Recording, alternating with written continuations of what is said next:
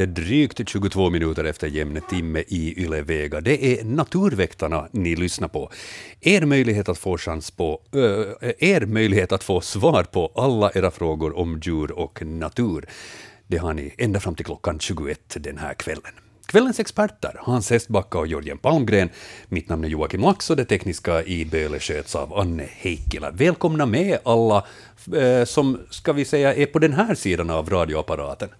Um, jag kan passa på att uh, börja med den frågan till våra experter. Vad har ni gjort för naturobservationer idag eller, eller den här veckan? Jörgen, vill du börja? Ja, jag startade där nattkärrefångsten i tvärminne. Jag har redan ett, där det över 10, kanske 15 eller kanske 20 till och med, så i augusti, september så försökt fånga nattkärror på höststräcket. Ja. Och jag har fått tre, fyra den här veckan. En natt fick jag tre och sen nästa natt en. Se där. Alldeles hyfsat. Det var, det var, tror jag, bästa dagen före 10 augusti för mig, det där, det där med tre stycken. Vad tre var, individer. Vad var ditt knep för att få tre har, individer? Jag har fågelnät och sen spelar jag sång. Mm. Och vad har du gjort tidigare när du inte har fått tre? Vad var det som skilde? Eller det, var det bara turen? Det var så här tidigt, ser du. Mm. Jag, jag har nog, min bästa natt är 15 ungefär där kring sista veckan i augusti, men ja. så, här, så här tidigt tre, så det var överraskande. Ja. Fint. Mm. Intressant. Fint. Ja, jag, fin, jag tycker om det där också. Ja. Men, men, lite tröttsamt är det nog i längden. no, nu blir det. Speciellt om inte man är en, vad heter det i natursammanhang, nattuggla. Ja. ja. ja. Okej. Okay. Uh, Hans då, vad har du för naturobservation? När vi gjorde en lite avstickare från, från vägen hit till Vasa eh, för att titta på, på det här. Ja, vi körde ut till, till Långsäs fiskehamn i Sundom och, och i en mycket solig vägkrök där det stod en massa fiblor och blommor på andra sidan diket där slotten inte hade kommit åt de här blommande eh, augustiväxterna så, så hade eh, det samlats en massa fjärilar. Vi räknade till 15 på fågelögon och en nässelfjäril, en citronfjäril, en tistelfjäril och ganska många humlor. Mm. Och, och, det var ju en, en glädjande observation i denna insektfattiga sommar. Uh, de, var, de är ju nykläckta, många av de här fjärilarna nu, som, eller de är nykläckta, de här, förutom då tistelfjärilen som är en långvandrare söderifrån. Så vi stannade en god stund och beundrade de här fjärilarna och fotograferade dem. Ja. Och det som ju är viktigt för de här fjärilarna som kläcks nu i, i augusti, sommaren, så det är ju att, att det faktiskt finns blommande växter kvar och, och eh, det här evinnerliga röjande längs vägrenarna eh, så tar ju bort otroligt mycket blommande växter från fjärilar och andra insekter. Så att borde, man borde spara så mycket som möjligt av de här blommande eh, vägrenarna och, och dikeskanterna för insekterna överhuvudtaget under sommaren och, och nu i augusti när de här nya generationen av, av fjärilar har kläckts och, och ska tanka, lägga upp fettförråd inför den blivande kommande övervintringen. Ja. Jag såg på sociala medier, det var faktiskt eh, Naturväktarnas Facebookgrupp, så där var, såg jag en bild på, någon hade skurit upp skivor av vattenmelon och satt ut det på en tallrik i trädgården och det var mängder av olika sorters eh, fjärilar som hade lagt sig ner där och, och fick ett, ett mål mat. Ja, vad härligt. Ja. Så där är ett tips om det är så att man har lite dåligt med blommor i trädgården, så ja. lite vattenmelonskivor ut så mm. kan man följa med vem det är som kommer dit och äter. Ja, så kan man ju strö lite socker på, fint socker på, så att det blir sockerrikare vätska, så får de ännu mer energi, de här mm. fjärilarna. Mm. Ja, min egna naturobservation så, så håller sig till vad ska vi säga, eh, bär och svamp. Jag, jag var ute och traskade i skogen i helgen och mängder av blåbär fanns det i Malaxskogarna i varje fall här i Österbotten. Det var fullt överallt och dessutom en hel del kantarell gick jag också förbi. Tyvärr, jag plockade varken blåbär eller kantareller för det hade jag tid med att göra. Men, men, men det gladde mig ändå och jag vet att det är många andra som är duktigare på att skörda ute i skogen så det är säkert många som får hem en och annan liter med blåbär och, och varför inte kantareller också för den delen. Ja, det är stor förekomst på, på blåbär och kantareller, åtminstone i Österbotten. Hur är det, Jörgen, där nere? Nu, nu är det liksom blåbär ställvis gott. Ja. Det varierar och kantareller har vi med fru nog hittat mera än no, det, inte vet jag exakt över att säga någonsin, men det känns så i varje fall. Ja. Ja. ja. Mm.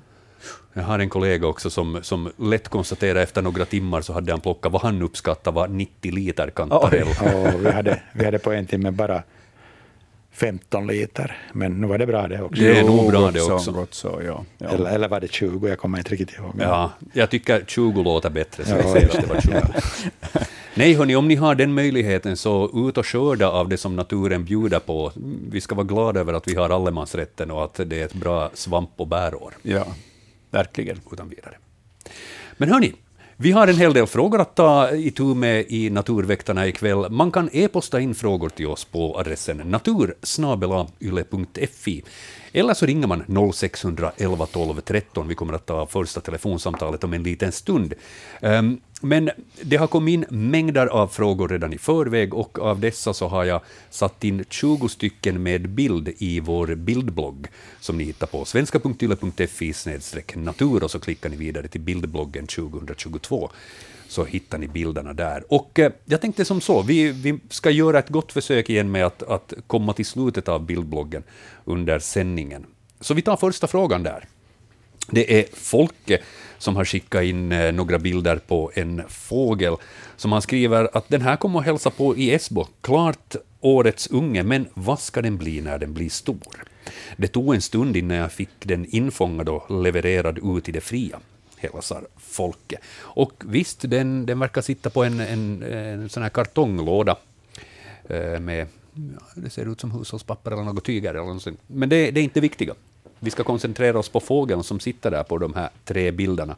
Um, ser ut som en, vad heter det, juvenil. Ja, den är lite, lite fläckig Ja, i fjäderdräkten. mm, lite ruggig och sådär. Gamla fåglar är inte fläckiga, de har det där. Det är till exempel det bruna på ovansidan, eller det kanske blir svart hos den här nästa vår, så, så är, är helt ofläckigt. Mm. Den har, ja, den har alltså den en, en liten tätting med smal näbb och ganska klena ben, fötter. Man ser den svarta, svarta benet på den mellersta bilden och så ser man eh, lite vitt på vingen, alltså det ar, nej, innersta armpennan, alltså tertialerna som har vita ytterfan och sen bildar det, bildas det ett sånt här beige ljust vingband. Och sen ser handpennorna ganska svarta ut här och det, det kunde peka då, alltså det, för det första så arten är lätt från den här bilden att se det är svartvit flugsnappare och de här mörka pennorna kan, kan eh, vara ett tecken på att det blir en, en hanne nästa vår. Eller den är ju en hanne redan, men att den, den får handräkt sen på våren. Men det, det dröjer tills våren innan den på det Nå, viset så att säga alltså bekänner det färg. får, nå, det, alltså när vi ser den nästa gång så har den sin praktdräkt. Ja. För att den är, de är på väg bort redan. Folke har inte skrivit någonting om hur den kom in, men, men sånt här händer. Säkert ett öppet fönster eller öppen dörr. Det, det, det, det kan vara mycket fåglar tidvis igång. De, många av de här insektätarna, också mesarna, finns i samma sån här mi- mix, mixed flock, alltså en blandflock av, av fåglar som stryker omkring. Och så kan de plötsligt vara väldigt många och så kan de en del eh, hamna in. Precis. Ehm, han skriver här att han fick den infångad och levererad ut i det fria. Vad är liksom enklaste sättet ifall det är så att man har en fågel som har tagit sig in av orsak eller annan? Ska man öppna fönstren och låta den hitta ut själv eller ska man... Man kan, man kan försöka på det. Och, och man kan naturligtvis se till, uh, för, för det första stänga dess möjligheter att söka sig till andra rum i huset. Det är möjlighet. Mm. Och möjligen också om det finns fönster på, på olika, olika det där väggar så kan man försöka mörklägga det så att det, det finns bara så att säga en ljus yta eller, eller några ljusa ytor bara de är på samma vägg och sen möjligen också kunna öppna dem så då kan den, kan den hitta ut men ibland så är de så på något sätt vilsekomna att de inte lyckas och då, Då försöker man varsamt fånga den och föra ut den. Ja. Nå, men han lyckades få ut den så att på det viset så ser ju framtiden någorlunda ljus ut för den här svartvita fluxen. Ja, den har nog svårigheter av det annars också tillräckligt på Ja. sina långa flyttningsresor. Precis. Hur långt är det som svartvita Det fluxar är någonstans till, till mellersta Afrika. Det finns jättelite fynd av svartvita flugsnoppare. Ja. Fast man har ringmärkt tusentals sådana. Den har antagligen övervintrat på så, övervintrat i en sån terräng att där inte finns människokontakter just alls. Mm. Men vi önskar dem eh, lycka till på färden Mm. och eh, ser fram emot att se dem på våren igen. Vi har kvällens första samtal på tråden. Vi får säga god afton. Välkommen till Naturväktarna. Hej, det är Tom från uh, Ingo. Hej Tom. Det där, eh, jag satt med familjen och åt middag här igår kväll och såg en mycket märklig syn. Någonting stort vitt som vi först trodde eh, var en svan som hade landat i en gran. Det var det inte. Utan det såg ut som en örn, alltså en fiskljuse som var helt kritvit. Och, och den har eh, suttit där på samma ställe tidigare, men då var det mamman. Alltså jag menar helt kritvit, som en svan. Mm. Och den satt där en timme och vi försökte skrämma bort den, men den bara satt där. Va- Varför ville, ni, varför ville ni skrämma bort den? Nå, vi ville se vad det var för en fågel. Ah, just, just. Får den att flaxa Alltså den var ungefär eh, 200 meter från. Ja, just det. Just det. Ja. Eh, På 200 meter såg ni hur näbben såg ut på den? Jag påstår att det var en örn. Mm. Och helvit. Kan det finnas eh, albinoörnar? Nej, nej, det kan det finnas, men det, det är ytterst, ytterst osannolikt. Jag har nog en lösning på problemet. No? Egretthägare. Den sitter i träd. Kan det vara helvit? Den är helvit. Den är snövit. Den är vä- vä- väldigt stilig fågel. Egretthägare. Med ä i början.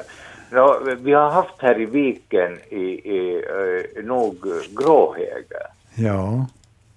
Den är, vi haft. den är avlägsen, Ett släkt, par varje år. avlägsen släkting. Eller inte avlägsen, direkt nära, nära släkting, men den hör till en... Den hör, ja, den hör, ibland Kan den första- gå och sitta lite i topparna också? Ja, den gör det. Okej.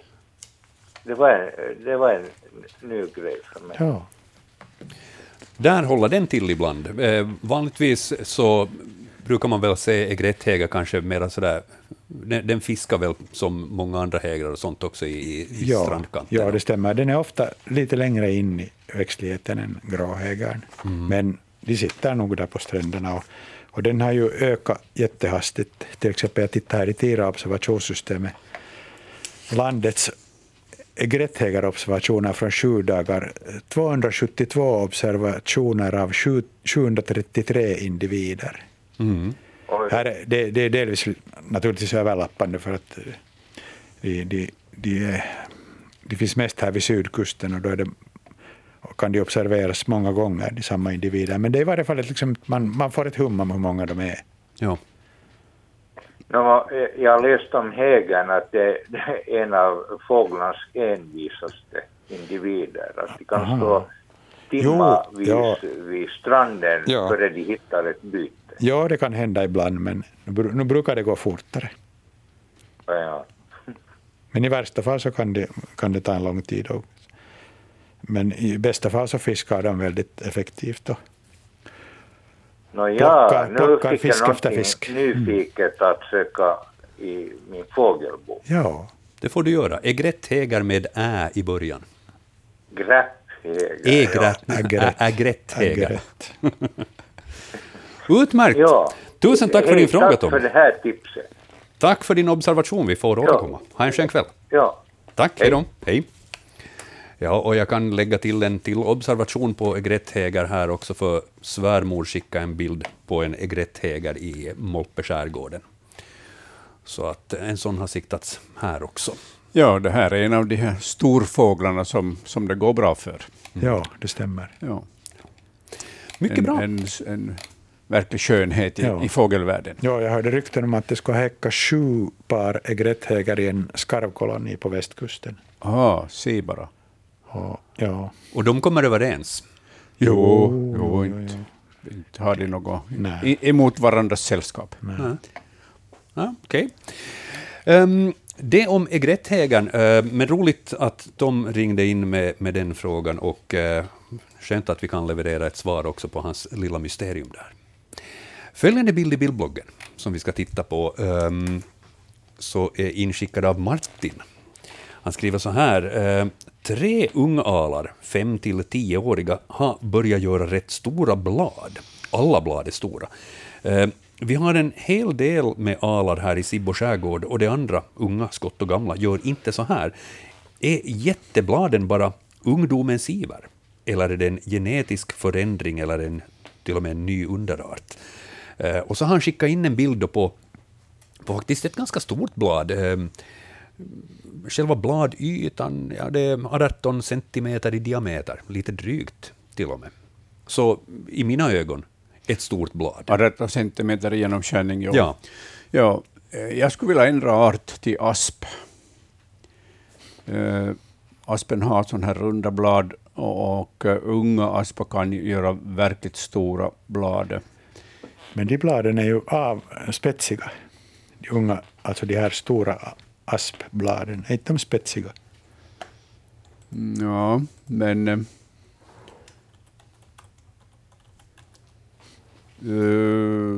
den här... Jag tycker att det ser ut mest som ett aspblad, men att... eh, hur funderar du, Jörgen? No, jag, jag var nog liksom på väg att godkänna det här med, Ja, med al. De, nu borde man komma ihåg hur de här, hur de här bladets struktur är hos ja. Alen, al och asp. Jag ser ju ala hela tiden och aspar också, men inte Ja. kommer jag ju naturligtvis ihåg. Ja, Om det skulle vara en fjäder så skulle jag nog kunna klara det bättre. Jag, jag måste säga att vi, vissa blad, då man tittar till exempel här nu i olika källor som jag har framför mig, så är de... Vissa är spetsiga, helt klart spetsiga. Men det finns också runda. Jättestora också. Ehm, jag har svårt att säga här om de är jättestora. Det är en bild på en gren och, och, och där bland bladen så finns det både mera spetsiga eh, och sen mera runda exemplar av de här bladen. Så jag bara skjuter in det här och så Ja. lämnar jag diskussionen och tar fram popcornspåsen. Ja, jag, jag, tänkte, jag tänkte göra en, när jag tittar på den här strukturen, bladets struktur, eh, så eh, alen har ju en grov struktur. Ja. Och, och eh, sen är, är alens blad ofta lite vinklat inåt, alltså med, med, med en smal fåra inuti. Eh, Jag fotograferade senast igår eh, klibbalens eh, blad Ja. på årets skott. Ja. Och, och de påminner inte om det här bladet. Ja, men jag, jag hittar nog ett argument som talar för al. Och, Ja. och, och det där. På det sättet jag, jag, hittar på Luontoportti Ja. en del bilder på Mm. asplöv. Mm. Och de har de här, vad kallar man de här, liksom ser ut som nerver där på Ja. bladen. Så de går parvis ut från den här huvudnerven. Ja. Nästan alla går parvis. Där finns några undantag, men nästan alla går parvis ut. Mm. Där är, här är en bladskiva där det är en, två, tre, fyra par och de går alla prick parvis. Så hittar jag här på bilden en som, som det där, där ena paret fattas, men annars är det liksom parvis hela, Mm. på hela bladet. Ja. Men om vi utgår från att det är al så, så är det ju i alla fall o, en ovanlig bladform. Det, no, alltså storleken är ovanlig. Ja, storleken och Ja. bladformen, ja. Mm. Men um, hur, hur, ska vi besvara Martins fråga då? No. Ehm, No, vi kan svara så här allmänt att, att de här, de här lövträden så har i ungstadier kan ha jättestora blad. Och väntas nu var det så att, att de har börjat nu göra, det, det kan vara någon förändring där som är på gång eh, eh, i, i växt, där de växer, som, Ja. som får dem att, att reagera som de skulle behöva mera bladyta. Mm. Det här är en gissning. Mm. då låter vi det vara som en, en, en liten gissning, en teori. Ja. Men så, så kunde man naturligtvis fråga av Anders nästa gång också. Ja. Det kan vi göra. Ja, asparna, om vi ser kritiskt på det här mitt aspförslag, så aspbladen har ju långa skaft och, och det, här har, det här bladet har korta skaft så Ja. som, så som äh, albladen har. Ja. Mm. Det är nog något skumt med det här, för att Ja. att nu när jag börjar titta på de här albladen också här på Lontoportti, så, så de, har, de har också det här samma, samma det där, de här nerverna utgår parvis från huvudnerven. Ja. Det är nog krångligt. Det här. Ja. Men en intressant fråga. Jag tycker att, att Anders Albrechtsson kommer med i nästa program, att, att även han tittar på det här. Ja, Och han har säkert sin Ja. synpunkt på det. ja. Vi vänder jätteblad och går vidare. Utmärkt, jag tycker Ja. det är ett bra sätt. Bra, då kan vi istället eh, titta... Ja. Det här är en typisk Anders-fråga också, men vi tittar på den i alla fall. Ehm, Eh, det här är Anna som har skickat in och eh, skriver så här. Hej, skulle gärna vilja veta vilken insekt det är vars larver finns inborrade i tallveden jag håller på och hugger på stugan. Och så har hon skickat ett par bilder eh, på denna uppkluvna ved och där tittade fram en rätt skaplig krabat som eh, verkar vara så där mitt i utvecklingen i mina ögon. Ja, den är klar för förpuppning skulle jag säga, den här insekten. Eh, Det finns ju två, två det här insektgrupper som sysslar med det här. Och det ena är hornsteklar och det andra är en skalbaggar. Trädlevande skalbaggar. Och, och jag skulle hålla en ganska god hacka på hornstekel, eh, därför att eh, de här vingarna syns. Ja, Och, och de har ju, medan skalbaggarna har, har det här eh, täckvingar över de här flygvingarna. Så preliminärt en hornstekel som eh, snart är klar. Och, och eh, sen får Anders titta också på den här bilden och, och se då närmare på den. mm. det ser lite spännande ut då den verkar ha grävt en gång och, och sen så har då veden klyvts upp så att den, den därför tittar fram. Ja, alltså en fascinerande bild, eller fascinerande bilder. Det är ytterst sällan man, får, man som vedhuggare får syn på, på en sån här grej inne i, i trävirke. Så eh, fina bilder, bra, bra dokumentation. Och, och man ser ju att den här gången bakom den här insekten är full med sågspån och det är helt enkelt eh, det trävirke som den här som den här larven har gnagat och eh, som har passerat genom, genom tarmkanalen. Och, Ett väldigt sådär fint damm ser Ja, det ut som.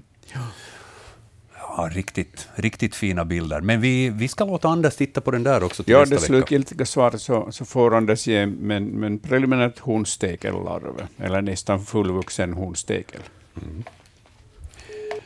Vi hade ett samtal där på tråden, men eh, personen eh, satt på tydligen luren. Så ring på nytt, 0611 12 13, så ska vi se ifall vi tar in den här alldeles snart, den frågan.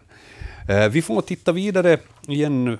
Jag misstänker ju att vi talar om, om småkryp här fortfarande. Eh, det är Peter som har skickat in den här bilden. Ehm, vi ser en, en liten en liten trädstam, eh, väldigt ungt det här trädet, och så är det eh, vitt, eh, vita bubblor i mängd och massor. Eh, Peter skriver så här, i sändningen 21 i sjunde diskuterades aspvedbocken i Naturväktarna. På vår tomt i Norra Kyrkslätt fälldes två stora aspar senhösten 2020. Det resulterade i hundratals aspskott som växte upp från de otaliga rötterna omkring på tomten. När jag nu i juli ryckte upp dem upptäckte jag något slags spott vid roten av minst hälften av dem. Jag tyckte mig därtill känna att dessa skott lossnade lättare än de utan spott. Kan spottet ha att göra med aspvedbockens livscykel? undrar Peter. Uh, nej, det har det nog inte. De, lever ju uppe i träden, de här aspvedbockarna. Det som jag kom närmast att tänka på så det är spottstrit. Spottstritens larver så lever ju på, på örter och, och träd och, och, och sticker in sin snabel i, i växten, suger i sig av den här eh, växtsaften och får näring på det sättet. Och, och de omger sig av ett sånt här spott för att skyddas dels mot uttorkning, men också mot fiender som gärna skulle plocka dem och äta dem. Så, att, så jag skulle säga att det är någon spottstrid, men det finns ju närmare 400 arter, så att vilken specifik art det kan vara så, så har jag ingen aning om. Men, men eh, jag kommer inte på någonting annat som skulle producera ett sånt här typiskt spott som just spottstriden. Nej, för det, det, ser ju verkligen ut som, som spott. Men, mm. men hur skyddar det här mot inkräktare? Är det helt enkelt att det är bara alltså att, att man är dold? Man jo, man inte. är dold. Och, och, du vet, är du, är du en, en, en, det här, en nyckelpiga eller, eller tvestjärt som jagar andra insekter, eller en fågel som jagar insekter, så du stoppar inte in ditt huvud och dina ögon i den där skumkakan, utan du mm. undviker nog den. Ja, det är fascinerande. Spottstrit, någon art, får vi notera där för Peters fråga. Nu får vi säga god afton, välkommen till Naturväktarna. Hallå, hallå? Ja, hallå? Hallå, vem är det som ringer? Det är Gunvor från Kvikant. Hej Gunvor. Vad har du för en fråga till våra experter? Nå, no, är Gobbe, Gobbe är det. Gobbe han vill veta. Men han, han har dig att ringa?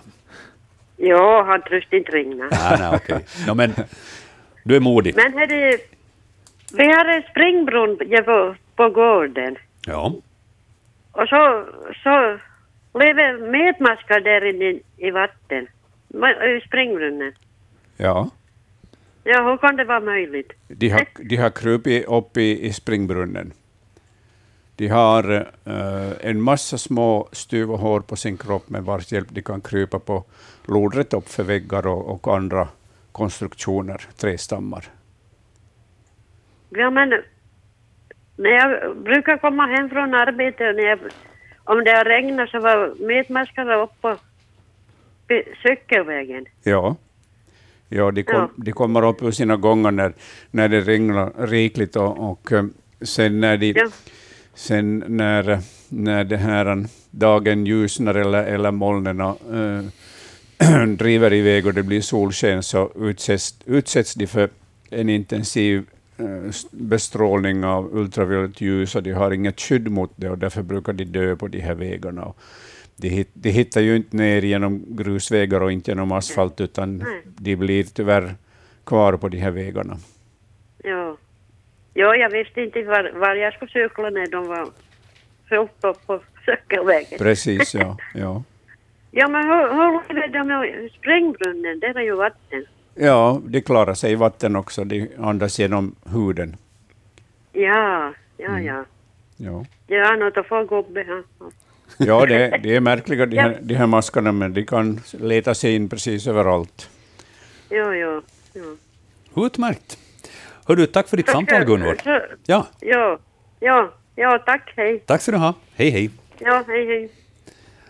Ja, de letar sig in överallt. Ja, men det, man tycker nog synd om de här dagmaskarna som ligger på, på cykelbanor och, och eh, landsvägar och överhuvudtaget på asfalt och, och gru, hårt packade grusvägar. Så de är dödsdömda där de är. Mm för att de kan inte orientera sig tillbaka till, till mjukmark och, och krypa ner i sina gångar. Enkelt bete för fåglar och liknande kan man anta. Ja, men, men sen när det har varit uh, häftiga regn och som har jagat upp alla maskar så blir det ganska mycket, mycket dagmaskar på vägarna kvar. Ja. Men fåglarna gör nog sitt bästa för att ta tillvara dem. Mm.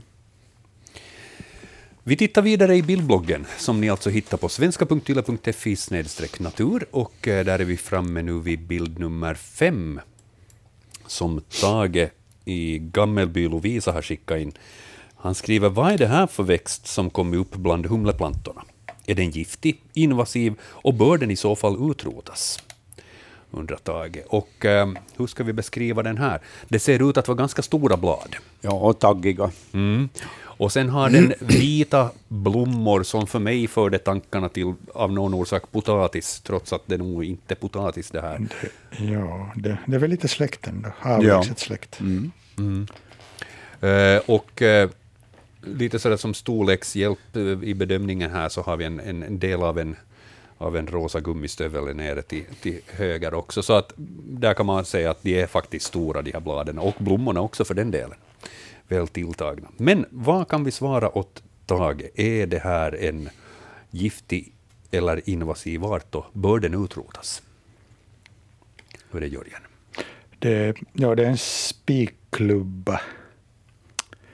Och jag känner nog inte väldigt bra till dess ekologi. Jag vet att den, den finns punktvis i södra Finland i varje fall, ofta sådana hamnar, lastningsplatser, skräpmark, soptippar, allt mm. möjligt. Men hur den har, och används också dessutom som prydnadsväxt, men hur den har kommit hit så det har jag inte någon aning om. Hur är det Hans? Ja, no, det är spikkklubba och den är ju, ska vi säga, svagt invasiv. Den, den kommer till, till uh, vårt land med, med bland annat fröblandningar och, och uh, olika sorters växtförsändelser söderifrån. Den är giftig. Och, så jag skulle svara ja, ja, ja på de här tre frågorna. Giftig, invasiv och bör utrotas. Ja. så det här, man ser annars eh, spikklubbans fruktämne mitt i bilden, mitt i, i den här växten, där sticker en sån här klotformig, klotformig grön, uh, ett, ett klotformigt grönt fruktämne eller en, en fruktsamling uh, med taggar som sticker ut åt alla håll och därför heter den spikklubba också. Det är alltså en, en klubba full, full med spikar med taggar utåt. Så jag skulle inte spara den, eh, speciellt inte med tanke på att den är mycket giftig. Den här. Den, den används som medicinalväxt, men, men i ytterst små doser används den som medicinalväxt. I, i lite större doser så, så är det nog mycket farligt. Så jag kollar snabbt upp här spikklubba och det finns alltså uppgifter om att 2013 så skulle det ha förekommit frön av spikklubba bland djupfrysta grönsaksblandningar som hade köpts in till Finland. Mm. Och eh, det ledde till flertalet förgiftningsfall. Ja, alltså har man sådana här i sitt trädgårdsland så ska man utan vidare riva bort dem och förstöra dem, därför att de här fröna faller ju dit de faller och, och, och kan hamna på salladsblad och sånt där. Men den är ju så pass karaktäristisk med sina stora taggiga blad och sen de här, de här eh, avlånga um, vita blommorna och sen de här fruktämnen, eller frukten, den här gröna frukten med, med sina taggar. Så att man känner lätt igen den då man har lärt det en gång. Mm. Spikklubba noterar vi för den där och vi, dessutom så sällan i Naturväktarna talar vi om att man ska bli av med arter, men det här är nu en sån ja, som nog, vi rekommenderar att man tar bort. Tillräckligt starka argument, just det här giftigheten. Ja. Ja. ja. Ingenting att leka med, Nej, utan spikklubba kan man bra ta bort. Faktiskt, den är nog farlig. Mm. Vi ska titta till en uh, till fråga här innan vi ger över till nyheterna. Um, det är Noeli som undrar vad det här är för en larv som hon hade hittat på sin mormors dillkrona. Uh, och uh, Ja, det här, det här är ju, jag tänkte säga en gammal bekant, för den här har vi nog haft många gånger tidigare i Naturväktarna. Ja, med en vacker bild på, på, på den här stora fjärilslarven. Den, går i, eh, den har svarta och gröna ränder, och på de svarta ränderna har den orange, uh, orangea fläckar. Så den är så vackert segmenterad hela mm. vägen här på en dillkrona och de här larverna lever då på flockblomstriga växter dit då dillen hör. Det här är makaonfjärilens larv. Uh, vill man använda, använda ett annat namn så är det riddarfjäril, men makaonfjäril är det officiella idag. Och det är ju en, en fjäril som är minst lika vacker som larven. Alltså den, den här vuxna, eh, vuxna makaonfjärilen är fantastisk. Det är en av kanske vår praktfullaste dagfjäril.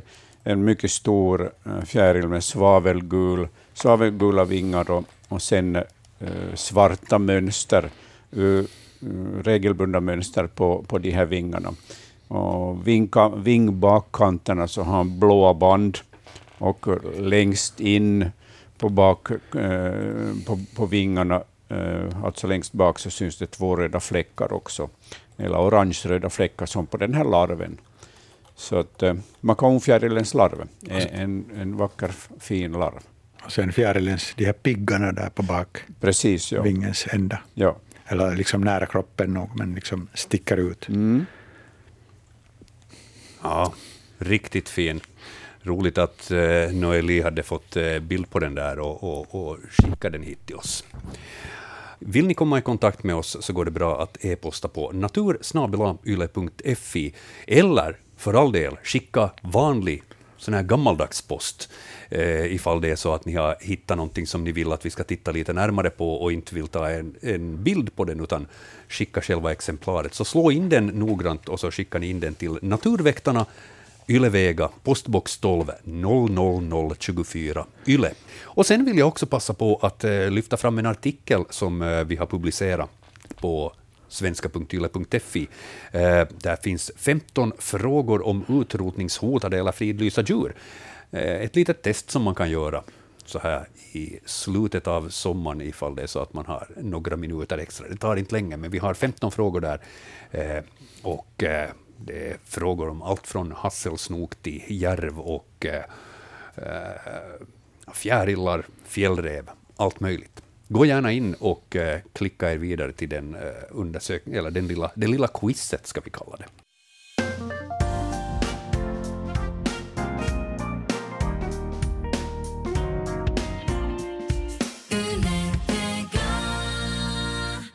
Vi utlovar en hel del eh, fågelfrågor här nu i början av den här timmen. Och eh, visst, det ska vi hålla oss till.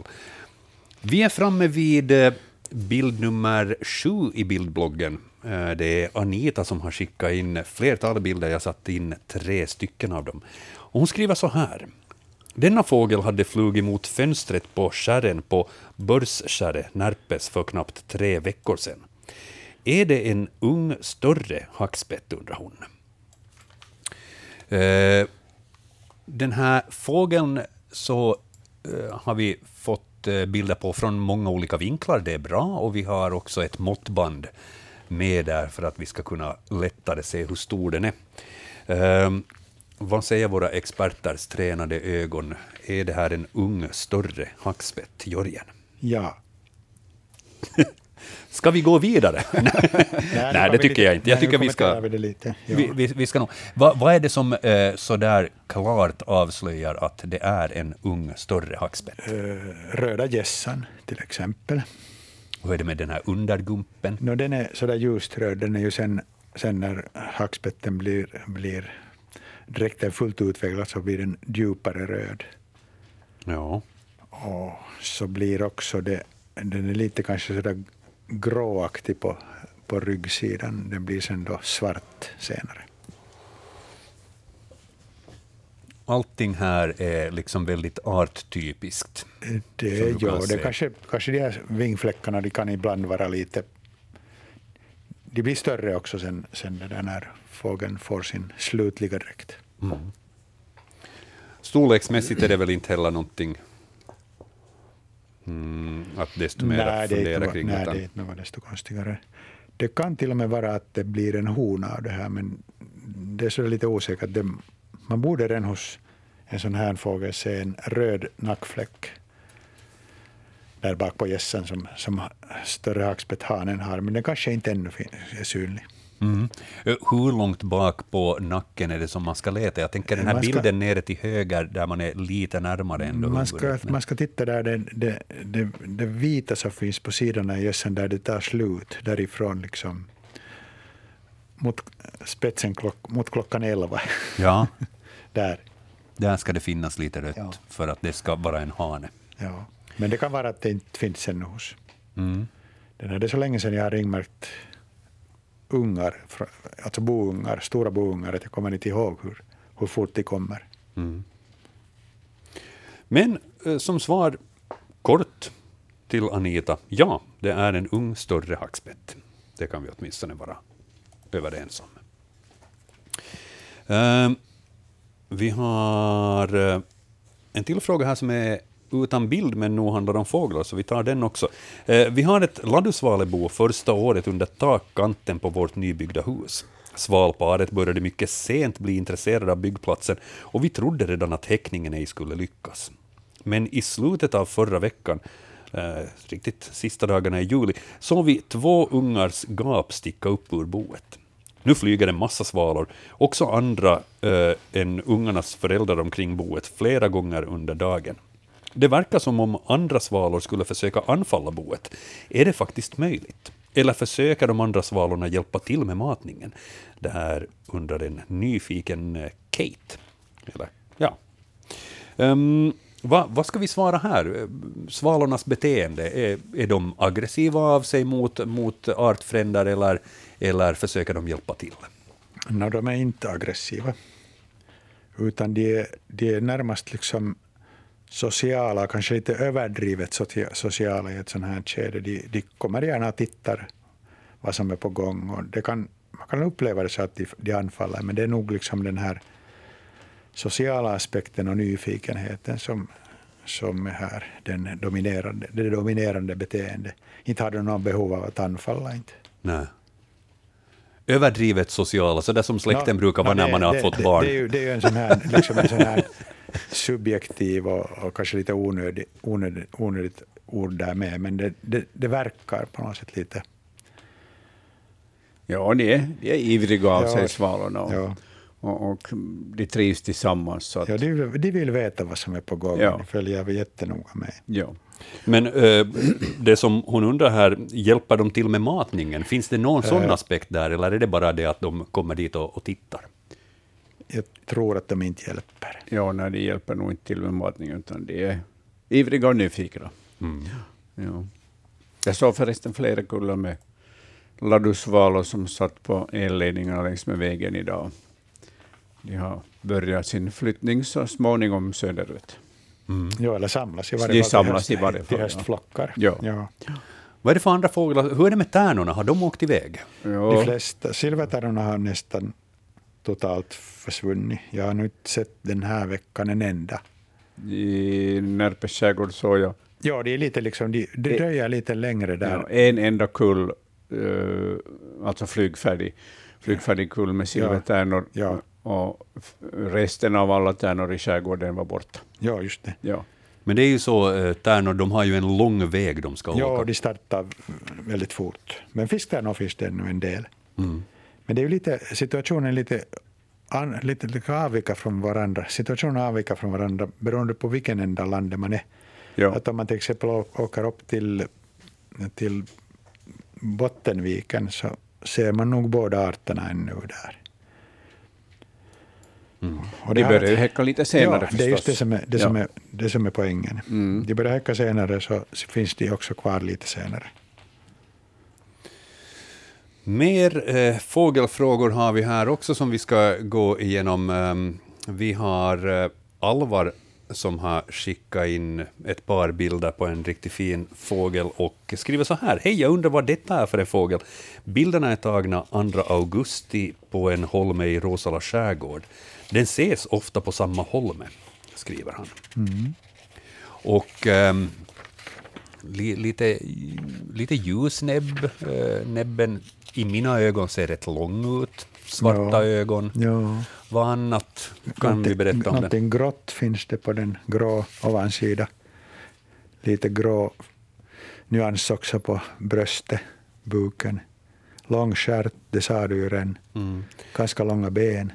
Är det här en ung fågel? Det är en ung fågel. Den ofta har ungfåglar på det här sättet en gul mungipa eller en ljus mungipa det är inte alltid ett ålderskännetecken, men hos den här så är det ett bra ålderskännetecken. Det är alltså en sädesärla. Just det. En av våra mest sympatiska fåglar. Ja, visst. Ja, den är nog... Människans bästa vän. Ja, den är nog så, så trevlig och, ja. och, och munter när den ja. finns häckande hemma på gården eller vid sommarstugan. Det är bara en, ett irriterande drag i sädesärlan. Ja. När den börjar antasta sin egen spegelbild, till ja. exempel på en bilspegel. Ja. Det, det, är så ansträngande. Men, ja, men då är det bara att uh, sätta ja, tygpåsar, ja, just det. Det tygpåsar över speglarna, ja, så slutar det. Vantar eller gamla mössor eller vad man nu råkar ha i närheten. Ja, men det, om det är det enda draget som sädesärlan har, så det, nu låter det ju som en ganska sympatisk fågel. Då. Ja, det är jätte... Det är liksom, på Holmen där jag vistas har minst två par häckar alldeles nära liksom huset. Och, och det, är så, det är så jätteskönt med dem. De är liksom, för det första, ena paret är ringmärkt. Jag fick inte dem, jag fick inte dem kontrollerade nu, men det har varit tidigare så att de kan ha varit, gjort tre övervintringsresor när de, och så häckar de igen. Det är jätterörande med dem. Mm. Och sen eh, det här hur de, hur de liksom vaktar på omgivningen. De reagerar genast om det är en sparvhök eller någon annan rovfågel. Så att man, det lönar sig att lära sig att följa med vad sädesärlan, hur den, hur den reagerar. Man kan göra många trevliga observationer. Ja, och sen har den ett så muntert silittande läte och mm. den springer fram på tändstickssmala ben på stranden. Så. Ja, och den är orädd. Det är ja. också ett sympatiskt ja. drag i den. Jag har alltid tänkt att hunden är människans bästa vän, men ni börjar få mig övertygad. Nej, men det ser du, det, det beror lite på infallsvinkeln. Det är nog det. Se det Sala, en ung sådan, är det som Alvar alltså fotograferar och skickar in. Uh, ja, vi får igen säga god afton. Välkommen till Naturväktarna. Jo, det är Lars från Raseborg. Hej. Hejsan Lars. Hördu, jag hade en eh, incidens här i början på veckan med eh, två skator och en eh, taltrastunge. Och det här han, de jagade den där han, uh, taltrastungen så att de fick ner den på marken men jag fick dem bortschasade så att jag kunde lite studera den där taltrastungen lite bättre och och se hur skadad den var. Och den troligtvis var nog mycket skadad för att den dog ju sen efter en liten stund fast jag försökte ge lite vatten åt den, spruta in lite vatten i, i gapet på den. Och på det viset den reagerar nog då ännu. Men men en fråga som jag tänkte ställa var det att eh, det förvånar mig när jag tittar noggrannare på den där taltrastungen att den var full med älgflugor. Ja.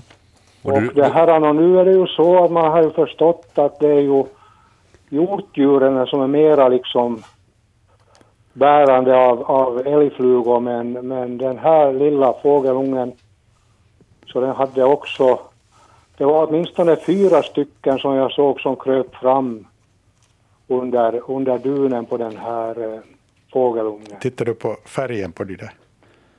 Jo, jag kände igen, jag kände igen eh, de här eh, älgflugorna nog.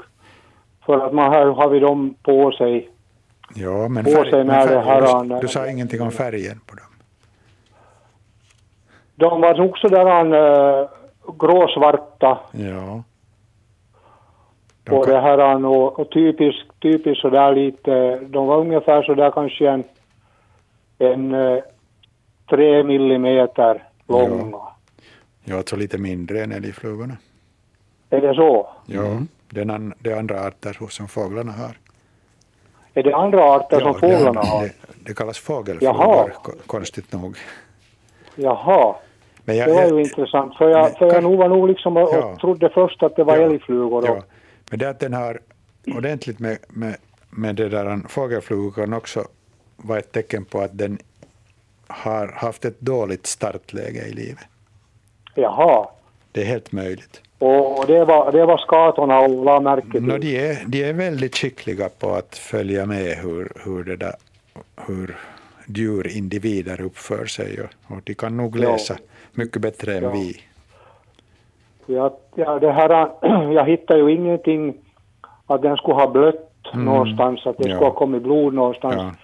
Men jag tror nog att jag, jag tycker att jag gjorde den, den uppfattningen nog att den dog nog väl säkert av en stress och chock. Ja, alla möjliga orsaker kan vara där. Ja, ja. Får jag, Men fråga, då, då, ja, får jag fråga Lars, vad, vad gjorde du med fågelungen sen efteråt? Nå hör du, jag var nog sen och, och, och, och satte in den i en, i en plastpåse och slängde den i sopis. Mm. Det var det jag tänkte lite, min, min uppfattning är den att det, man gör naturen en, en tjänst ifall man helt enkelt återbördar den till naturen och så finns det någon som, som ja, tar hand om den sen. Som ja. ett, ett framtida tips. Ja.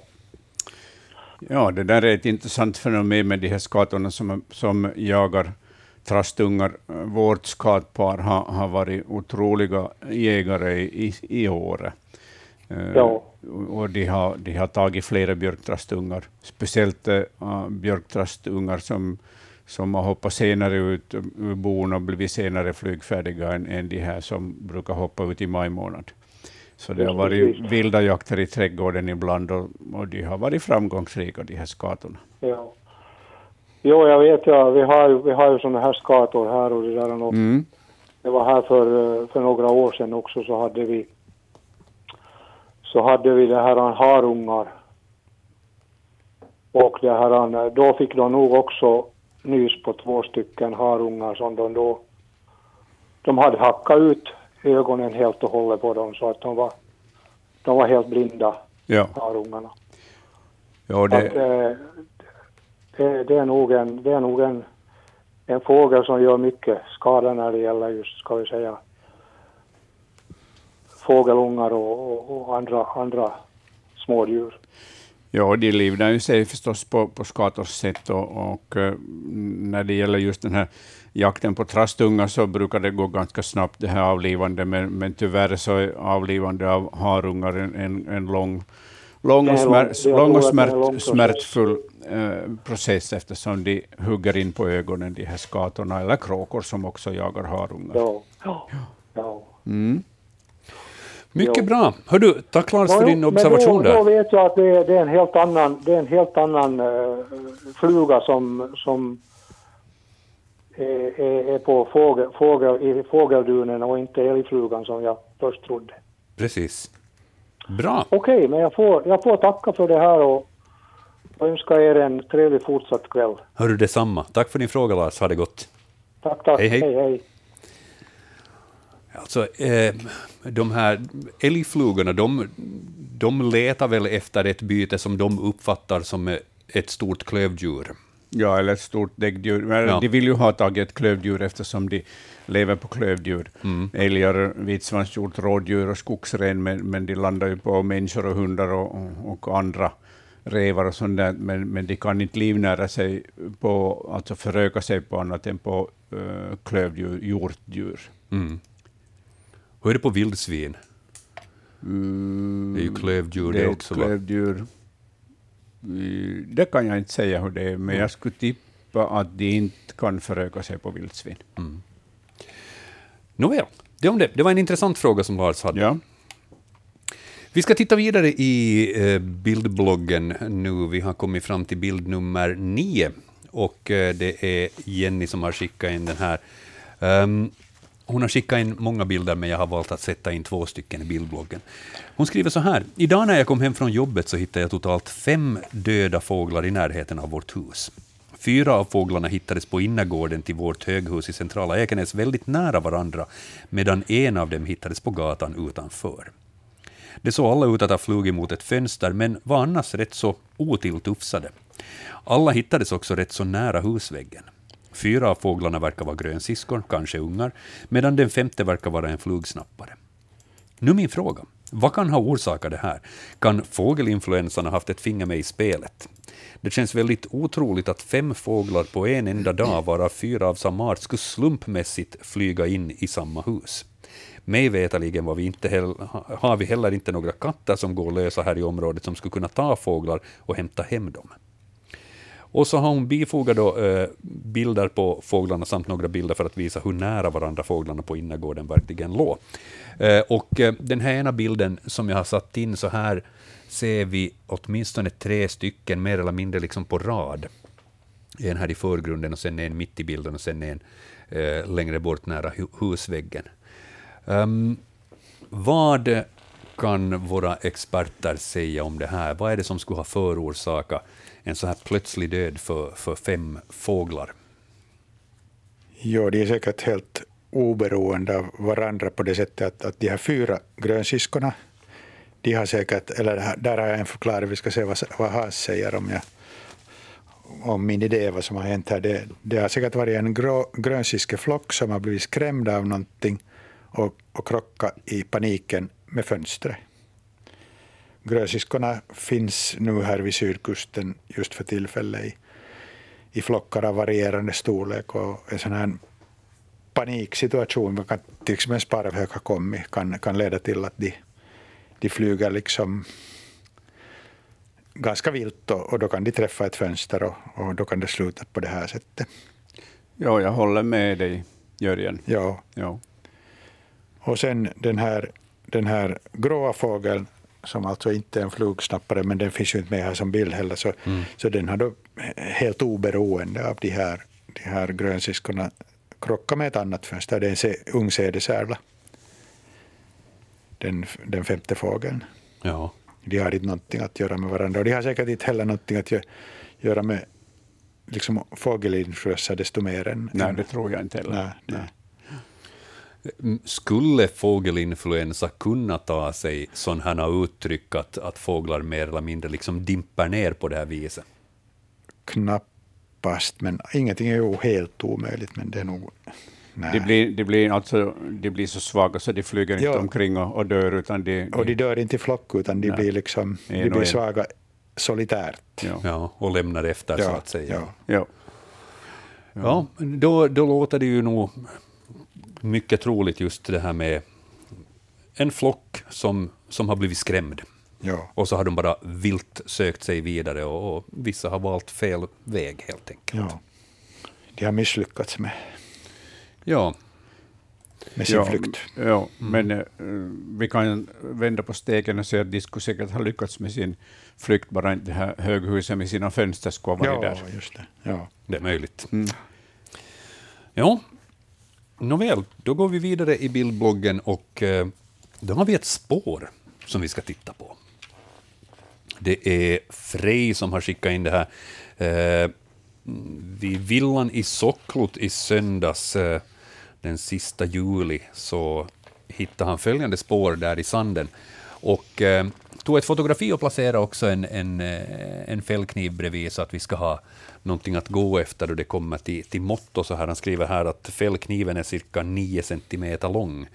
Um, så spåren är ju, ja vad ska vi säga, spåren är kanske halva den längden.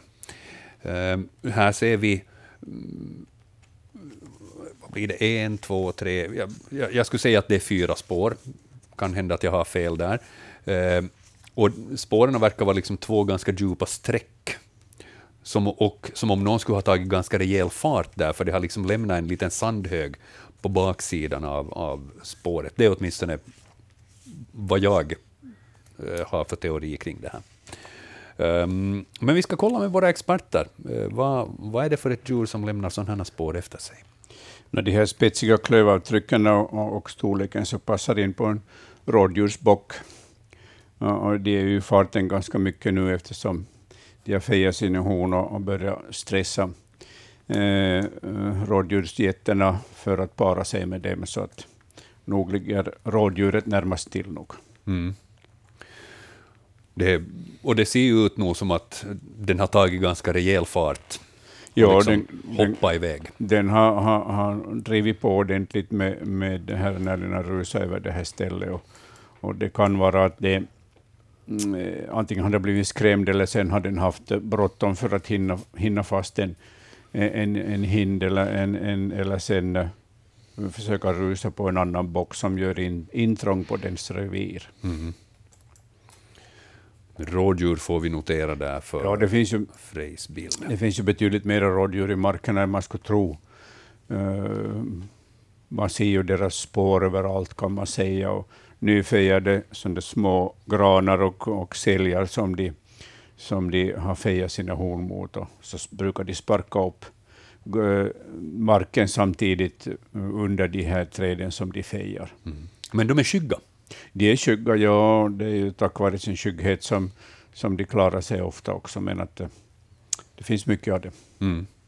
Måste riktigt tänka efter när jag senast skulle ha sett rådjur här i finländska skogarna. Jag var på besök i Sverige här i somras, och då, då såg jag mycket eh, då man körde förbi olika åkrar och liknande. Det var mycket rådjur, det var mycket vit, eller det var ja, hjort i varje fall, och eh, vildsvin såg jag också. Men, eh, men här då jag har rört mig i skogarna, så vid ett tillfälle så är det ett rådjur som har rusat iväg.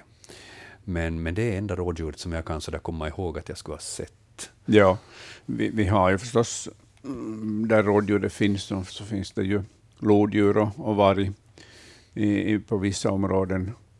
Mm. Och sen när det i södra, mellersta och södra Sverige så är den här jordbruksmarken mera utbredd också, så att de söker sig mera ut på bete på den här jordbruksmarken. Men vi har ju, åtminstone i Österbotten, så, så har vi ju lite mindre jordbruksområden och, och, och rådjuren äter ju mycket i skogen också mm. örta nu som bäst. Ja. Från rådjur så ute i skog och på äng så ska vi leta oss mera inomhus tänkte jag säga. Vi ska in i växthuset. Eh, det är Sussi från Pargas som har skickat in följande fråga. Hon skriver så här. Vi har haft växthus säkert 30 år, där vi närmast odlar tomater och gurkor. Då vi är på resa lämnar vi dörrarna, dörrarna öppna och droppbevattning på. Plus att goda vänner nu som då går och vattnar lite extra. Igår då vi kom hem hade någon annan varit på besök i växthuset, grävt runt tomatplantorna, max 5 cm djup, och sprättat mylla omkring. Men inte synligen ätit tomater och inte heller grävt runt gurkplantorna. Vem kan ha varit på besök? Vad ska vi säga åt Sussi från Pargas? Vi har en bild här på tomatplantorna och mycket riktigt så hänger det ju tomater väldigt nära eh, jordnivå där, så att eh, där skulle ju liksom finnas god mat, tänker man åt, åt alla möjliga olika små krabater. Eh, jorden upprörd kring tomatplantorna. Eh, Ja, jag hade nog en, en handfull eh, aspiranter med samma eh, ekorre, sork, mårdhund, koltrast och skata. Och, och, eh, här syns inga, inga spår av, av något tassar och sånt där. Så, så, och med tanke på hur, hur det är omkringsprättat här så skulle jag nästan hålla en, en god slant på koltrast eller skata. De letar ju mycket i marken. Vad säger du Jörgen? Ja, jag tycker att... Jag ser, jag ser heller alltså inga något, någon liksom spår av något fotspår eller tasspår. Nej, det det, finns inga sånt. Och, och, speciellt koltrasten är ju otrolig på att, eh, att sprätta i marken och, och ja, plocka stämmer, fram Ja, ja. dagmaskar och skalbaggslarver Ja. och sånt där. och det är ju sånt som man skulle kunna tänka sig att finns i ett växthus i jorden. Jo, visst finns det det. Så mycket möjligt att vi har, vi har den skyldige där. Ja, ja. ja. Största hackan sätter jag på koltrasten. Ja. Ett till samtal har vi på tråden. Vi säger eh, god afton, välkommen till Naturväktarna. Jag heter Cederholm och ringer från Sundom, Vasa. Ja, Och jag har en sån här fråga. Vad kan ni, kan ni berätta för mig? Vad har hänt på vårt tomtområde? Vi har hittat en död igelkott på e- en sida av huset och, eh, som på nedre sidan och på övre sidan en död ekorre. Och det här var nog eh, en gåta för oss. Ja. Samtidigt. Nå, eh, med ett no, par dagars Ja, mellanrum. det. Mm. I- För det döda ekorren så den hittade jag igår. Mm. Och äh, igelkotten så jag tror det är en par dagar sedan den ko- kom fram. vad brukar ni ha för djur där på gården? Vi har inga egna husdjur, Nej. men katter strövar det här. Mm. Men jag tror inte katterna tar på de här djuren. Ja, de katterna tar ekorrar nog, men, men inte igelkottar av vad jag vet. ja. Och ek- ekorrar har vi alltid haft som har sprungit här. Så vi blev helt förstummade. Ja, Det var kanske ett sammanträffande bara, att det, är kanske inte samma orsak. Nej. vad är det för djur som brukar på det viset ge sig på igelkott? No, berguven kan ju ta och, och rev och, och grävling kan fixa igelkott, men de brukar veta upp dem. Alltså, Ja, de, men- de jagar ju byten, men de här var ju hela djur. Jo, det, det ligger, det ligger Ja. här på området. Ja. Och i, ingen rör dem nu heller. Vi har inte vi har inte putsat bort utan de Ja. finns kvar här. Ja. Lite långsökt tänkte jag på att, att kan sorkfeber eh, drabba, drabba det här eh, igelkott och, och ekorre. Vi människor kan ju få sorkfeber och, och bli ganska dåliga av det. Så att eh, ja, kanske det smitt, viruset kan smitta till andra däggdjur också. Mm. Har du, jag, något? jag, har- jag har inte hört att det skulle, Nej. att det skulle kunna hända. Det var bara en långsökt tanke. Ja. Men, Ja. men det är svårt att Kan de säga. få corona? Nej. Nej. Så det är det nog inte. Det var långsökt av mig det. Ja, ja, ja. mm, Vissa djur i människans närhet har ju fått corona som, som katter och, och minkar och, och, och lejon i, i, i det här i zoologiska trädgården, men inte ute i naturen. Ja. Men, men ni tänker att det är mm, möjligtvis så att det, det är olika, olika saker som har drabbat igelkotten och ekorren och inte samma, Ja. samma baneman No. där. Ja, alltså, man kan ju inte utesluta det ena och det andra sådär Nej. självklart, men men, men. Ska vi sätta dem i någon uh, väsk, eh, kasse och för dem någon väg eller gör vi en grop och, och begravar? Eller bara låta ligga. Vad är, vad är bästa alternativet? Ja, om inte du vill se att de ligger, ligger där på, på gräsmattan så, så kan ni antingen föra ut i skogen eller gräva ner dem. Ja, no, vi, vi får se nu. Vi, eh, eh, kanske på lördagen så då åker vi ut till sommarstugan. Ja. Och då får vi avgöra, tar vi dem med och sätter dem ut i naturen. Ja. Ja. Sen är det bra att ha handskar på händerna när man handskas med, med döda djur. Ja, det vet vi om så att inte Mm. Ja, bra. eh, tar vi i dem själva. Precis. Och jag, funder, jag, jag, jag var lite på det, ska jag föra dem till en laboratorium som eh, någon får dissekera dem, men jag tror inte jag gör det. Ja, du kan i så fall kolla med kommunens uh, hälsogranskare, ja. veterinär eller Ja. hälsogranskare, de kan avgöra det där. Ja, det, det har varit tal om att om man hittar många, många döda djur så kan, Ja, så kan man kontakta myndigheterna. Att Mm. enstaka lönar det sig nog inte. Och då är det ju en definitionsfråga att det är två, många eller... Det, jag tycker att det är många. Ja. Så kanske, kanske du börjar med det, att du, du kontaktar dem och eh, frågar helt enkelt att är det någonting de vill undersöka. Om de är intresserade. Ja. Bara för att säkerställa att, Ja. att vad är på gång. Men det, kan vara att de inte är kvar där när ni kommer på nytt dit. Det är möjligt. Nå, åtminstone så djur, de här djuren finns kvar här för äh, ekorren vi från köksfönstret. Ah, just det, jo, jo, ni, har koll på, ni har så bra koll på. he- hemma på gården. Jo, Ja, ja, jo. just det. Jo, jo.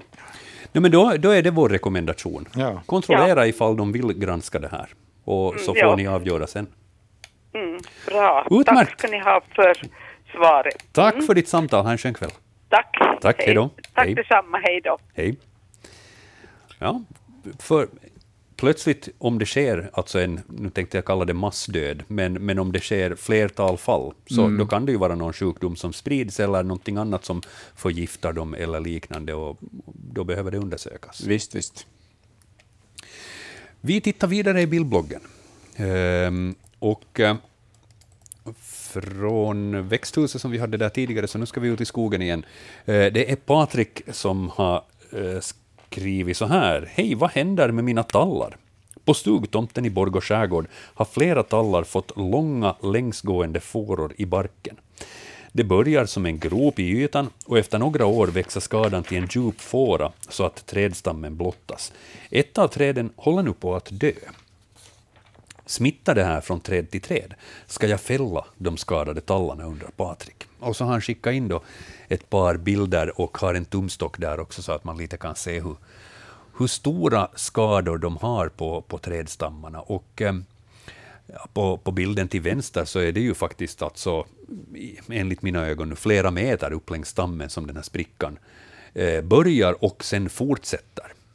Så att på det viset en, en, en ganska rejäl spricka. Och det, det är ju mera spricka i, vad ska vi kalla det, barken och det som är strax under det, det är inte en spricka liksom genom hela trädet, men jag upplever åtminstone att man ser att det är att ja, trädet har nog fortsatt att växa, det är inte hela trädet som har spruckit. Ja, det, det, det måste vara ett svampangrepp av något slag det här. Uh, som, det är ju ganska vanligt att tallen får det här, men nu, nu kommer jag inte på Eh, svamp i, eh, namnet i, i fråga. Eh, en del tallar så lever ju länge med en, en sån här sjukdom och en sån här skada på stammen. en del så dör lite snabbare av det. Men eh, nu finns det gamla tallar som har sådana här som har stått i, i, i, det, i hundra år och mera. Det är förstås en eh, svampangrepp av olika slag, så är ju en, en naturligt förekommande företeelse hos träden. Mm, själv skulle jag inte fälla de här träden. Det är inte på det viset tal om någon röta eller något sånt här, så att det är risk för att trädet sen faller och, och så, eller? Nej, nej det, det är ju de är ju starka de här, de här tallstammarna och de kan ju stå uh, som, som döda träd kan de ju stå i 50 år om det vill sig väl. Men jag kan bara säga hur jag själv skulle göra och jag skulle inte hugga ner de här. Mm. Jag tycker lika. Ja, det, det, det, är en del av naturens gång och, mm. och det finns, finns både insekter och, och vissa hackspetarter som drar nytta av det här. Så låt stå.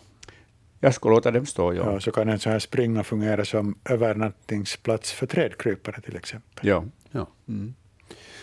Så ingen orsak på det viset att ta ner dem på grund av de här sprickorna, vad vi nu i varje fall kan se. Ja. Vi tittar vidare i bildbloggen. Vi är framme vid bild nummer 13. Eh, det är signaturen Rickard som har skickat in det här. Eh, han skriver, jag påträffar denna lilla filur i Ekenäs skärgård fjärde i åttonde. Den kan kanske tänkas vara en kantnål. Den är cirka 20 cm lång och till skillnad från eh, havsnålen så har den en liten fena i stjärten, vilket gjorde mig nyfiken på arten och vad den kan tänkas göra här. Eh, han har skickat flera bilder, jag har satt in en här i bildbloggen och det är en, först måste jag ju säga, det är en väldigt vacker undervattensbild eh, med, med havsytan eller, eller ja, vattenytan som, som speglar här också.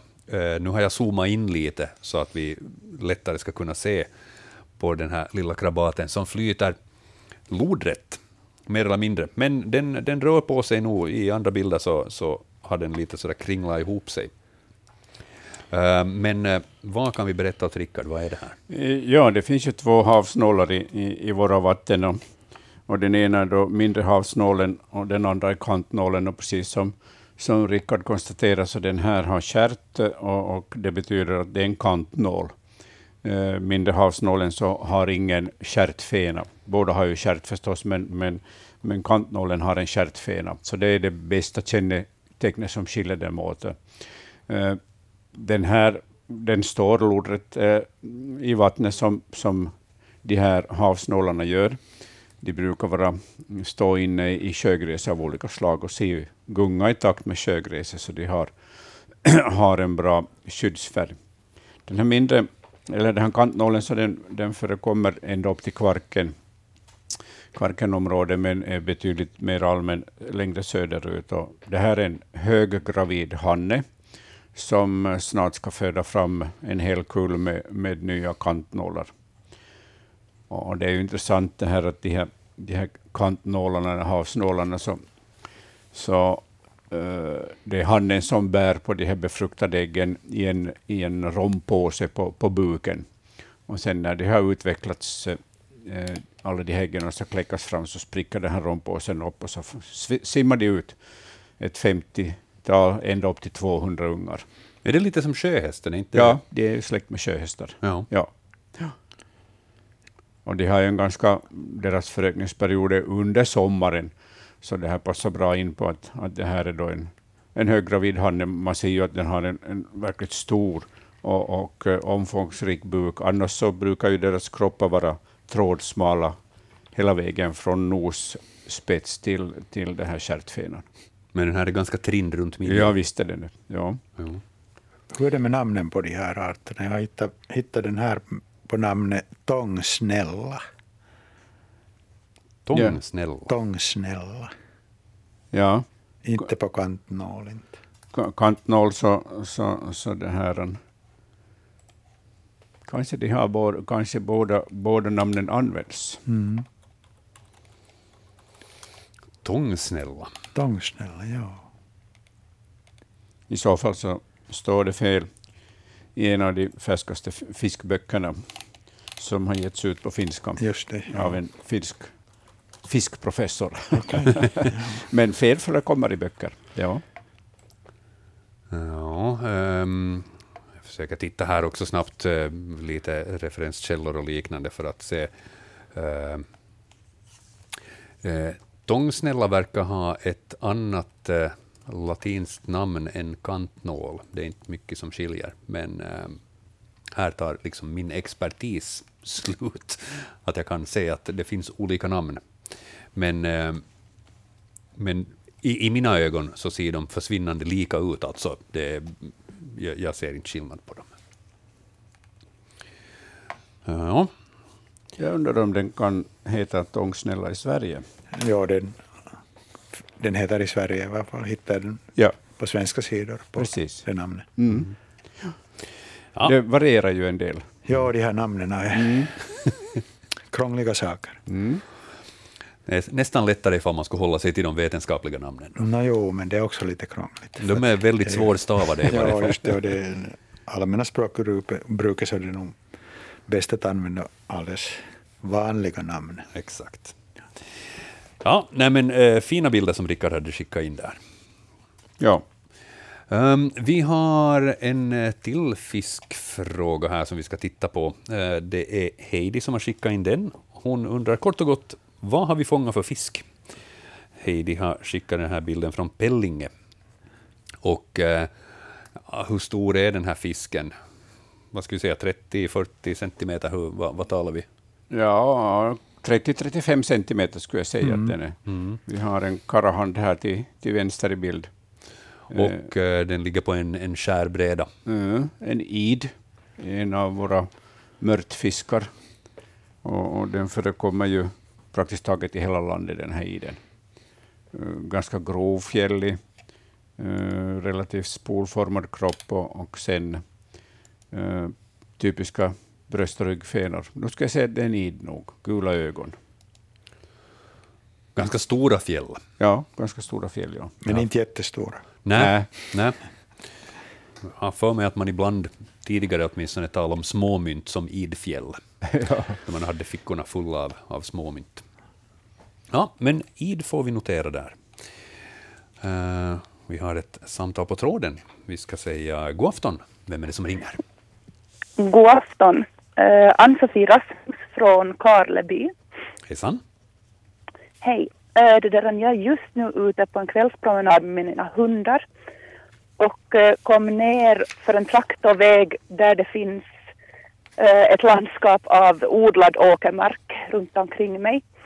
Och mitt framför oss så flög ungefär kanske på en 3-4 meters höjd en rovfågel av något slag som jag inte har sett här förut och vi går här varje kväll. Och det, där, det som de kännetecken som jag nu fick syn på var att eh, den var brun och på de här ving eller på stjärtpennorna eller stjärtfjädrarna så hade den en, en vertikal vit linje. Ja.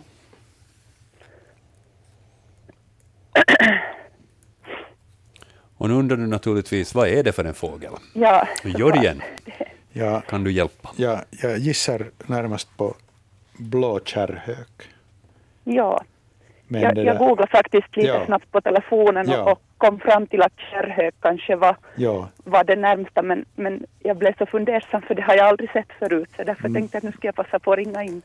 ja, man kan inte ännu på den här beskrivningen utesluta ska vi nu säga främst en närsläktad art som är stepphök, men, men den, är, den är alltså en, en nykomling i, i landet och häckar nog många par men, men det, där, det är antingen eller. Ja, Ja, jag, jag håller nog på en blå kärrhök jag Mm. också, för att eh, det är ganska många blå kärrhökar i farten nu som bäst. det. Ja. Ja, de, de, de, de är betydligt färre de där stepphökarna, men de är också i farten. Ja. Mm. Är Ja, det, de är sådana säkert som jagar den här tiden på dygnet. No, jag jagar lågt. Det, det är liksom tacksamt när de jagar så lågt så man, man ser deras färgteckningar. Ja. Ja, no, åtminstone den här skärpfärgen, så den, den såg jag väldigt bra. Ja, den där vita övergumpen. Ja. Ja, och det, det är liksom typiskt för just blå kärrhök. Och kärrhökar överhuvudtaget, de jagar lågt, flyger lågt av och an och har vingarna vinklade i ett sånt grunt V. Och Precis, Ja. det läste jag någonstans som brunkärrhök Ja. också. Att den, den är släkting. Ja. ja. ja. Men brun och blå Ja, men så skiljer man just genom att den blå har vit övergump. Ja. okej. Vad kiva att se någon ny, ny, Ja, ny fågel här. Det är härligt. Du får Ja. fortsätta hålla upp ögonen för Ja. den där i framtiden också. Nästa, nästa nya imorgon. Ja, jag ska försöka. Tack ska ni ha. Tack ska du ha för ditt samtal här en kväll. Tack, hej då. Tack, hej då. Ja, vi tittar vidare. Oj, jag säger oj, för jag blir så glatt överraskad över hur fin den här bilden är. Eh, det är eh, bild nummer 15 i vår bildblogg som ni hittar på svenska.yle.fi snedstreck natur och klicka vidare där till natur, eh, Naturväktarnas bildblogg 2022. Bild nummer 15 alltså tagen av Kerstin. Hon skriver så här. En mycket vacker orm träffade jag på vägen i Västanfjärd. Rostbrunt i färgen var för mig en ny bekantskap. Och eh, ja, det, det här är ju en, det är en fin bild på en orm. Och det är ju en huggorm, Ja. tycker jag se. Man ser ögonen klart och tydligt. Och, och eh, mönstret är ju också det typiska för huggorm på det viset. Inte mycket där liksom att, att orda om vad det är för, för sort, men, men den här rostbruna färgen eh, så är ju snygg. Och eh, jag drar mig till minnes att jag skulle ha sett i olika diskussionsforum kommentarer i stil med just då det gäller bruna huggormar, att ah, då är det en hona. Stämmer det här? Finns det, finns det, kan, kan man säga så att det, det är olika kön och olika färger? Vad säger våra experter? Så där generellt sett, ja. Det är så? Att, Nå, bruna lär ska vara honor. mm. Och det här är brun. Så då skulle det här bra kunna vara en hona? Med stor sannolikhet kan ja. vi säga. Ja, nå, det, är, det är bra tillägg. Ja. Det här är nog, skulle jag säga, den vackraste orm som vi har haft i Naturväktarna. Det är möjligt. Ja. Ja. Otroligt vacker orm. Det, det här mönstret och sen de här bruna schatteringarna som finns på den här kroppen. Perfekt. Och vi talar ju ofta, då vi får bilder på, oavsett om det då är huggorm eller snok, då det ska artbestämmas, så brukar vi tala om att ja, man ser inte ögonen och man ser inte riktigt eh, här på, vad ska vi säga, uppe på huvudet, antalet, vad kallas det, pansar eller fjäll eller vad ska vi tala Ja. om? Eh, Men, men allt sånt så syns väldigt tydligt på den här bilden. Ja. Eh, Men jag hoppas bara att, att Kerstin har varit på behörigt avstånd då hon har tagit den här bilden. För att den ser inte glad ut. Kan jag säga, Nej, den är ju nog en sån för, försvarsposition. Helt klart. Så eh, tack för den bilden. Och eh, eh, rostbrun som hon skriver att det är en ny bekantskap, men, men ovanlig är den ju inte, den här rostbruna färgen. Nej, inte omöjlig. Jag, jag Nej. hittade just hos mig själv en sån här kakaobrun, ljus, ljusbrun, men det var inte rostfärgad alls Nej. i mitt eget album. Många olika färgvariationer finns det på huggorm, kan vi konstatera. Vi har sett allt från grått och helsvart till, till nästan blått i vissa bilder. Och, och, och nu den här, så den tackar vi för. Vi ska titta vidare på, på ett par växter också, som på det viset, så där frågemässigt i varje fall, hör ihop. Eh, den första är inskickad av Hedvig. Hon skriver ett hörn av vår eh, sommarstugetomt har den här sommaren invaderats av en i och för sig vacker växt. Men vi undrar om det är parkslide drog upp en planta och den hade otroligt långa rötter som syns på bilden. På verandagolvet lade jag roten och ett exemplar av växten. Och ena bilden visar den och andra det buskage som växten har bildat på en sommar. Och det är ett ganska frodigt buskage som har kommit där. Hans? Eh, ja, det här är inte något parkslide, utan det är rönnspirea. Eh, det är en, en, en främmande art som, som vi odlar i våra trädgårdar och parker. Eh, den kan bli otroligt invasiv om den släpps lös i, i naturen. Den har en, en växtkraft som jag inte sett hos någon annan, eh, annan eh, buske eller något annat träd. Den är otrolig på att eh, breda ut sig och den breder ut sig just med de här, med de här rötterna som, som eh, sprider sig inne i, i marken och sen skjuter det upp en massa skott från, från de, de här rötterna, så den är effektiv på att, på att ta för sig av öppen mark. Mm. Eh, samtidigt så är det här en, en växt som, som producerar mycket nektar och pollen åt de pollinerande insekterna. Och, och eh, det brukar vara alldeles tjockt med insekter, alltså under vanligt, vanligt goda insektår så brukar det vara fullt med insekter i de här, i de här blomställningarna de konkurrerar med lätthet ut andra, andra äh, växter, andra blommande växter, till exempel i trädgårdar, de här, den här rönnspirean när den blommar. Äh, men man får nog se upp med den, eh, ska man ha den, eller om man godkänner den i sin trädgård eller på sin villatomt, så, sommarstugetomt, så, så får man nog hålla efter den, för att för den tar för sig av allt utrymme som, den bara, som man ger åt den. Mm. Och namnet rönnspirea, ska vi utgå från att det har någonting med bladet att Bla, göra? Bladen ser ju ut ungefär som rönnens blad och, och, och spirea sen spireans blomställningar. Ja. Följande eh, bild som på det viset anknyter till förra frågan så kommer från eh, Moritz. Han skriver, är detta den fruktade parksliden?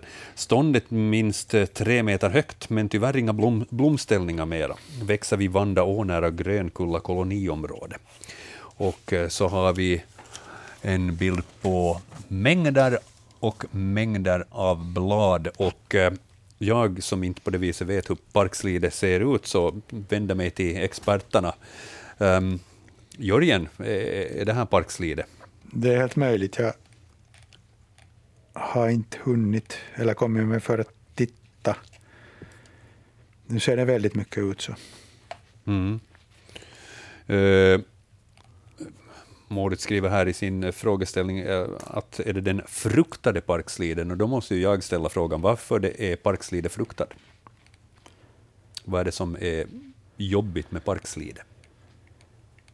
Det är en art, precis som rönnspirean, som tar mm. för sig av allt utrymme den får. Ja, det är det. Att ja, den helt enkelt bara växer. Konkurrerar ut allt ja. annat. Så vi får notera där att det är fullt möjligt att det, det är parkslide. Jag noterar här att vi har ungefär fem minuters sändningstid, så vi, vi, vi går vidare ännu i bildbloggen och, och tittar på följande här. Um, det är en som strövar i naturen från Raseborg som skriver så här. Vad är det för djur som lämnar visitkort utanför grannens biltak? Ungefär halv meter från gatan. Klockan tolv på natten då jag var ute med hunden fanns det inte där. På morgonen hade många stannat och undrat över den stora högen som var blåsvart. Det fanns många spekulationer vad det kunde vara för avföring. Jag satte en bajspåse som måttband, den är cirka 45 centimeter. En sån här hundbajspåse. Jag råkar ha en sån i fickan här faktiskt, så vi kan lite jämföra. Um, uh, bajshögen var nog cirka 30 centimeter lång och cirka 20 centimeter bred och höjden kanske cirka 8 centimeter. De grövsta korvarna var nog 3 centimeter och mera i genomskärning. Så vad är det för djur som har lämnat det här visitkortet, undrar, undrar eh, en som strövar i naturen i Raseborg. Vad ska experterna ge för svar här? Stort är det. Ja, det är en stor skithög det här. Och, och, eh, det finns bara en art som, som kan producera så här mycket avföring på en gång och, och tömma så här mycket ur, ur sina tarmar på en gång när den, när den krystar på, och det är björnen. Och det är tydligt att den har ätit mycket bär, blåbär, eh, som, som säkert har... Den, den producerar ju mycket, mycket avföring också samtidigt. Och eh, jag kan inte komma på något annat djur som skulle producera en sån här mängd med avföring som just björnen. Mm. Och det som avföringen verkar innehålla och sånt, så allt, allt, allt stämmer överens Ja, på det viset. allt stämmer överens. Och, och just att den har, har, har stannat, stannat på stället här mm, utanför grannens biltak och, och, och tömt sin tarm och sen lufsat vidare eh, i, i sommarnatten. Då folk sover och, och man kan ströva omkring i, i, i bebyggelsen utan att uh, bli störda av människor. Och det här har då tydligen skett i Raseborg, och det är ingenting som är omöjligt där att en björn skulle, skulle röra sig där. Nej, vi har ju haft björnar som har gått genom Vasastad här eh, med långa mellanrum visserligen, men i alla fall det finns dokumenterade fall då, då björnar har, har strövat genom staden på natten, och, och eh, så att inte undviker de inte undviker de mänsklig bebyggelse, de här rovdjuren alla gånger. Nej. Dessutom har ju människan byggt eh, sina uh, bostäder och, och städer på gamla vandringsleder som djuren har använt i, i flera tusen år. Så att, och det går inte så lätt bort. Ja. Det skulle vara roligt att veta hur hunden reagerar på den här bajshögen. Ja. Och eh, sen så får man väl förmoda att eh, jag menar, allt tyder på att det var en björn, men, men björnar är ju skygga av sig. Ja. Men samtidigt nyfikna, va? Ja, men den, den här så, eh, alltså den har ju varit skygg på det sättet att den har inte strövat genom staden eh, eller genom bebyggelsen på dagen, utan gjort det på natten. Det är ju mycket eh, um, igång på nätterna, de här, de här björnarna, när det är svalare och när de inte behöver möta människor. De vill ju inte möta människor. Ja. Utan skulle det ha varit någon eh, nattlig flan, fl, flanerande person som skulle ha varit ute där, så då skulle björnen snabbt ha ha, ha sprungit iväg, ja. sprungit iväg och, mm. och, och lämnat stället helt enkelt. Ja. Så på det viset är det nu inte så att man behöver vara orolig. Utan... Nej, det har bara gått genom det här ja. området. Ja, men spännande. Eh, om, eh, om man eh, hittar eh, motsvarande avföring och vill skicka in en bild hit till Naturväktarna på den här avföringen, så eh, som ett tips, eh, så det kan vara bra att ta just en, en riktig närbild också och lite peta i den så att man, man, man bryter sönder de här bajskorvarna lite, så är det ännu lättare att se vad den innehåller. Eh, det är lite som ett tips för, för framtida bajsfotograferare. Jo, ta foto både före och efter. ja, innan man går och petar, foto, ja. och sen ett foto ja. efter att man har petat. Mm. Exakt. Ja. Hörni, Tusen tack får jag säga till kvällens experter Jörgen Palmgren och Hans Hästbacka, och eh, tack också till Anne Heikkila som har skött det tekniska i Böle.